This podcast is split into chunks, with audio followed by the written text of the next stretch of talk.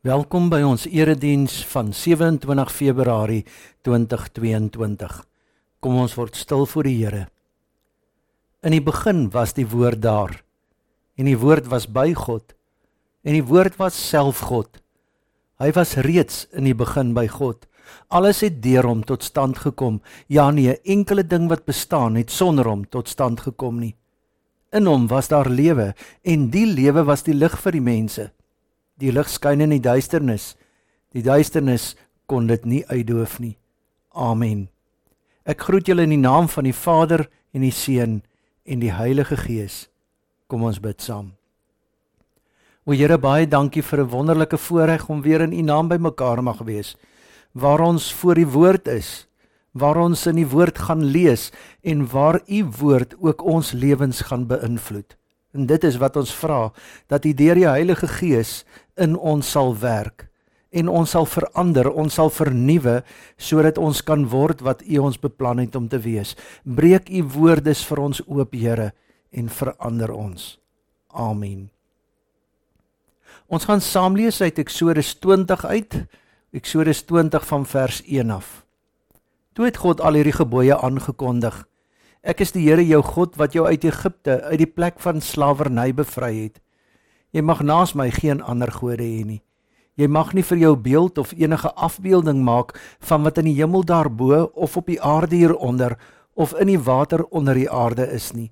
Jy mag hulle nie vereer of dien nie, want ek die Here jou God eis onverdeelde trou aan my.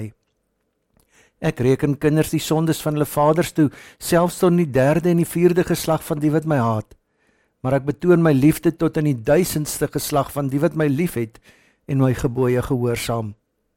Jy mag die naam van die Here jou God nie misbruik nie, want die Here sal die een wat sy naam misbruik nie ongestraf laat bly nie. Sorg dat jy die Sabbatdag heilig hou. Ses dae moet jy werk aan alles doen wat jy moet, maar die sewende dag is die Sabbat van die Here jou God dan mag jy geen werk doen nie. Nie jy of jou seun of jou dogter of die man of vrou wat vir jou werk of enige dier van jou of die vreemdeling by jou nie. Die Here het in 6 dae die hemel en alles daarin gemaak, die aarde en alles daarop, die see en alles daarin. Op die sewende dag het hy gerus en daarom het die Here dit as gereelde rustig geheilig. Eer jou vader en jou moeder, dan sal jy lank bly woon in die land wat die Here jou God vir jou gee. Jy mag nie moord pleeg nie. Jy mag nie egbreek pleeg nie. Jy mag nie steel nie. Jy mag nie vals getuienis teen 'n ander gee nie. Jy mag nie iemand anders se huis begeer nie. Jy mag nie sy vrou begeer nie, ook nie 'n slaaf of slavin, 'n bees of 'n donkie of enigiets anders wat aan hom behoort nie. Tot sover. Verlede week het ons gekyk na Eksodus 16, die volk op pad. Maar op hierdie pad deur die woestyn raak hulle keer op keer opstandig en tog bly God genadig. As hulle kerm en kla oor water en kos, maak God elke keer sy hand net nog groter oop in sy versorging van hulle. Nou is hulle by Sinai en word God se wet, sy wil vir hulle gegee. Ek sal vir julle God wees en julle moet my volk wees. Geloof is nie net afhanklikheid en bakkant staan nie. Geloof is nie net ontvang nie, geloof is ook gehoorsaamheid. Gehoorsaamheid is 'n dankie sê vir God se hand in jou lewe. Die wet is nie net gegee as 'n klomp reëls wat nagekom moet word nie. Eksodus 20 is deel van die geskiedenis van God se bevryding van Israel. Hy verlos die volk wat swaar gebuk gaan onder die juk van slawerny in Egipte. Hy dra hulle, lei hulle, versorg hulle deur die woestyn. En nou leer hy hierdie vertrapte, wantrouige, gedisoriënteerde, pas vrygelate slawe hoe hulle moet lewe. Eksodus 20 is God se opvoeding vir lewenskwaliteit en lewensrigting wat pas by begenadigde, bevryde mense. Die wet en die wyse waarop God daardeur gedien moet word, is nie 'n nuwe vorm van slawerny nie. Die wet skryf iemand is 'n gawe van 'n verlossende God. Israel word bevry om vir God te lewe. God maak mense vry om die lewe in oorvloed te hê. Die verhaal waarin Eksodus 20 pas, is die verhaal van God wat die noodkrete van die volk hoor en hulle van onderdrukking bevry. Hulle leer op hulle reis deur die woestyn dat God verhoudinge vooropstel. Gehoorsaamheid leer die volk in die woestyn is geworstel in jou verhouding met God. Die wet moet binne die konteks van hierdie verhaal verstaan en uitgelê word. Vanuit hierdie verhouding met God leer die volk hoe hulle as geloofsgemeenskap moet lewe. Die 10 gebooie begelei hulle om in die regte verhouding met God en met mekaar te lewe. Daarom moet die 10 gebooie nie as regulasies gesien word nie. Die 10 gebooie is padaanwysings wat jou veilig hou. Dit is aanwysings om almal se lewe en lewenskwaliteit te beskerm. Die wet is bakens op die pad van groei in jou verhouding met God en jou medemens. Hierdie verhaal wys dat die 10 gebooie op verhoudings fokus. En dit is hoekom Jesus dit ook so kan saamvat. Jesus sê, jy moet die Here jou God lief hê met jou hele hart en met jou hele siel en met jou hele verstand en met al jou krag. Die tweede is, jy moet jou naaste lief hê soos jouself. Kom ons kom terug by Eksodus 20 wat vir ons die 10 gebooie neerskryf. Die inleiding wat ons in die eerste 2 verse vind, dien as basis vir die interpretasie van die res van die 10 gebooie. Toe het God al hierdie gebooie aangekondig. Ek is die Here jou God wat jou uit Egipte uit die plek van slawerny bevry het. Alles wat gesê word en elke verwagting wat die gebooie veronderstel, berus dus op die verhouding wat die volk het met die God wat hulle bevry het. Die gehoorsaamheid wat die 10 gebooie vra, groei in hierdie verhouding. Vers 2 kan byna voor elke gebod gelees word om die konteks duidelik te maak. Ek is die Here jou God wat jou uit Egipte uit die plek van slawerny bevry het. God verwag van die volke bepaalde lewe van gehoorsaamheid wat ontspring vanuit hierdie dankbaarheid dat God hulle bevry het. Hierdie bevryding is nie bloot 'n historiese daad wat afgehandel is toe God die volk uit Egipte verlos het nie. Dit is ook nie afgehandel toe hulle uiteindelik in die beloofde land aangekom het nie. Dit is eerder die karakter van God. God is die een wat bevry, altyd bevry, vandag nog. Ja, ook vir jou uit al jou vasgeloopte omstandighede. God die bevryder is ook die een wat ons uitdaag met dieselfde roeping. Martin Luther het gesê: "’n Christen is bevry, bevry van sonde, oordeel en skuld, bevry van alles, en daarom is 'n Christen 'n dienskneg, volkome gefokus op mense rondom jou se behoeftes." 1 Korintiërs 9 vers 19 sê: "Hoewel ek vry is en van niemand afhanklik nie, het ek my aan almal diensbaar gestel." Die 10 gebooie word verstaan vanuit die bevryding uit Egipte wat vir die volk 'n nuwe lewe moontlik maak. En die doel van die 10 gebooie is dus nie eerstens om te bind of te straf nie, maar om ruimte te skep. Dit daag die gemeenskap uit tot die vorming van konstruktiewe verhoudings wat ware lewe moontlik maak. Elkeen van die gebooie skep die moontlikheid van 'n nuwe wêreld, 'n wêreld wat moontlik word wanneer dankbare mense volgens God se wil lewe. Kom ons kyk hoe elkeen van hierdie gebooie bevryding en lewenskwaliteit moontlik maak. Gebod 1: Geen ander gode nie. God vra absolute lojaliteit en afhanklikheid van hom. Romeine 12 vers 1 en 2 sê: "Gee julleself aan God as lewende en heilige offers wat vir hom aanneemlik is." Dit is die wesenlike van die godsdiens wat jy moet beoefen. Julle moenie aan hierdie sondige wêreld gelyk word nie, maar laat God julle verander deur julle denke te vernuwe. Dan sal julle ook kan onderskei wat die wil van God is, wat vir hom goed en aanneemlik en volmaak is. Niks of niemand anders kan jou verlos nie. Niks of niemand anders kan jou lewe sin gee nie. God is die begin en die einde van alles. Gebod 2. Geen beelde word gedien of geëer nie.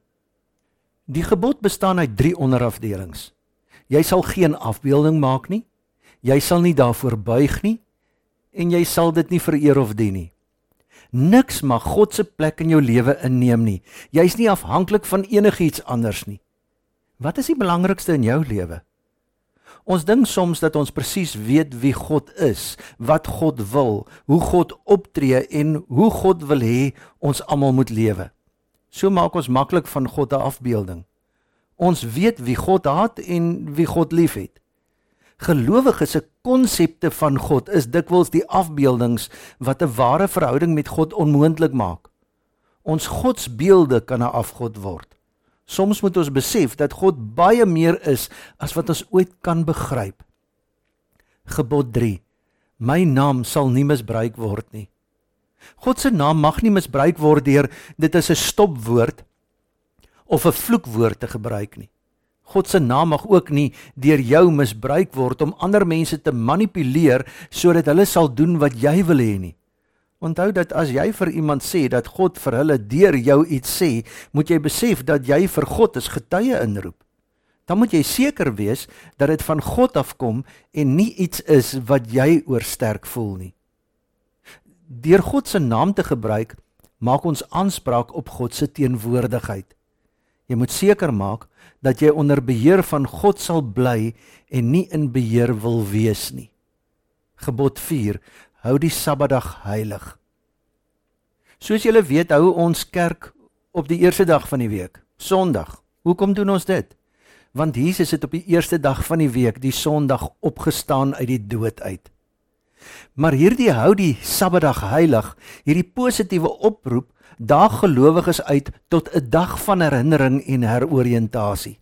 Op die rusdag moet gelowiges onthou dat hulle juis vanuit God se versorging bestaan en leef.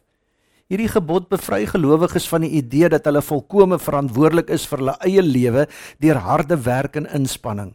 God leer ons om te rus en om tyd te maak vir ander dinge. Jy kan nie net van brood lewe nie. Jy kan nie net werk nie. Maak tyd ook vir geestelike brood.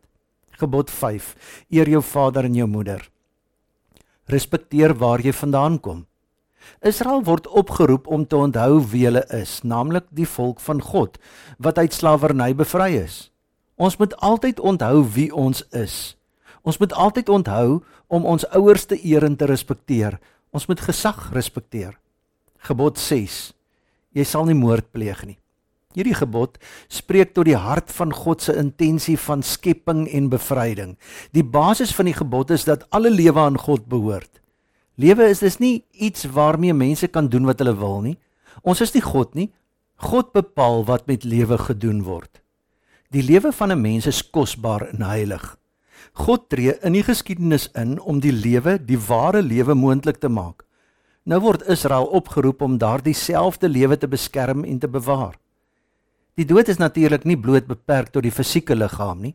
Daar's mense wat weens geweld, voorveronderstellings, armoede en ander stigma voel asof hulle nie menswaardig is nie.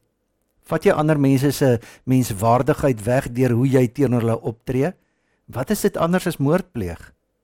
Hierdie gebod roep ons op om die lewe te bewaar en te beskerm en daarom moet ons almal se menswaardigheid beskerm. Gebod 7: Jy sal nie oorspel pleeg nie. Die huwelik tussen man en vrou is deur God vasgemaak reeds by die skepping. Oorspel impliseer verraad en misbruik van 'n heilige spasie. Soos God in getrouheid die lewe moontlik maak, word gelowiges opgeroep om dieselfde vir mekaar te doen. Gebod 8: Moenie steel nie. Die gebod roep gelowiges op om respek te hê vir mekaar se eiendom en besittings. Dit roep jou ook op om jou besigheid op so 'n manier te bestuur dat jy eerlik sal omgaan met almal. Uitbuiting is ook steel. Gebod 9: Moenie leuns vertel nie. Gelowiges word opgeroep om na die waarheid te soek wat vrymaak en wat die lewe moontlik maak.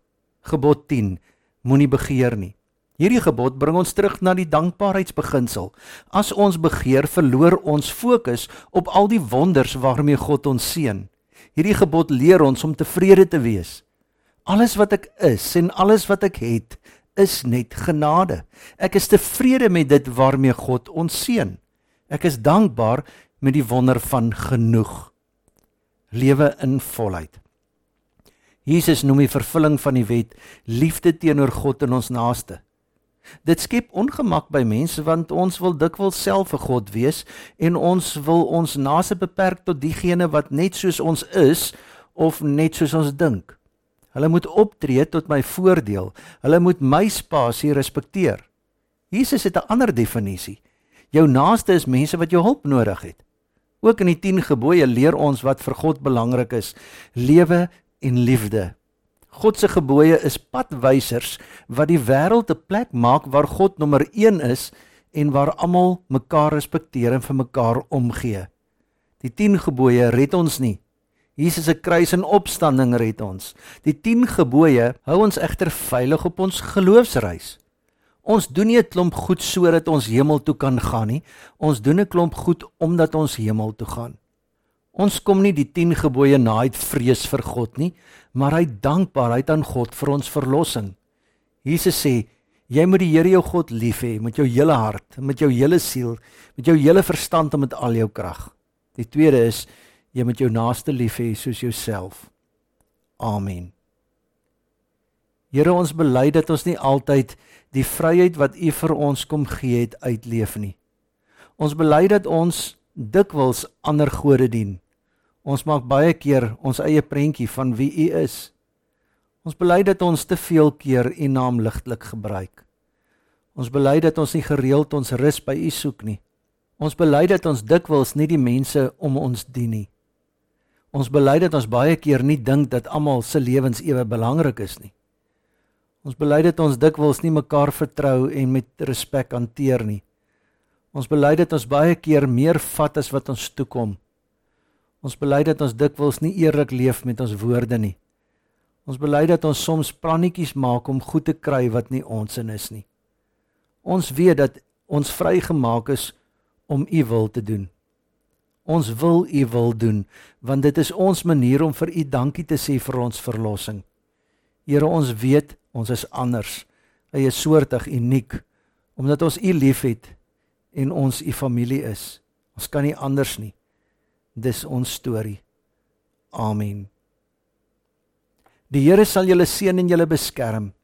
Die Here sal tot julle redding verskyn en julle genadig wees. Die Here sal julle gebede verhoor en aan julle vrede gee. Amen. Here ek vergeet so gou die woorde en beloftes en die vuur wat in my hart gebrand het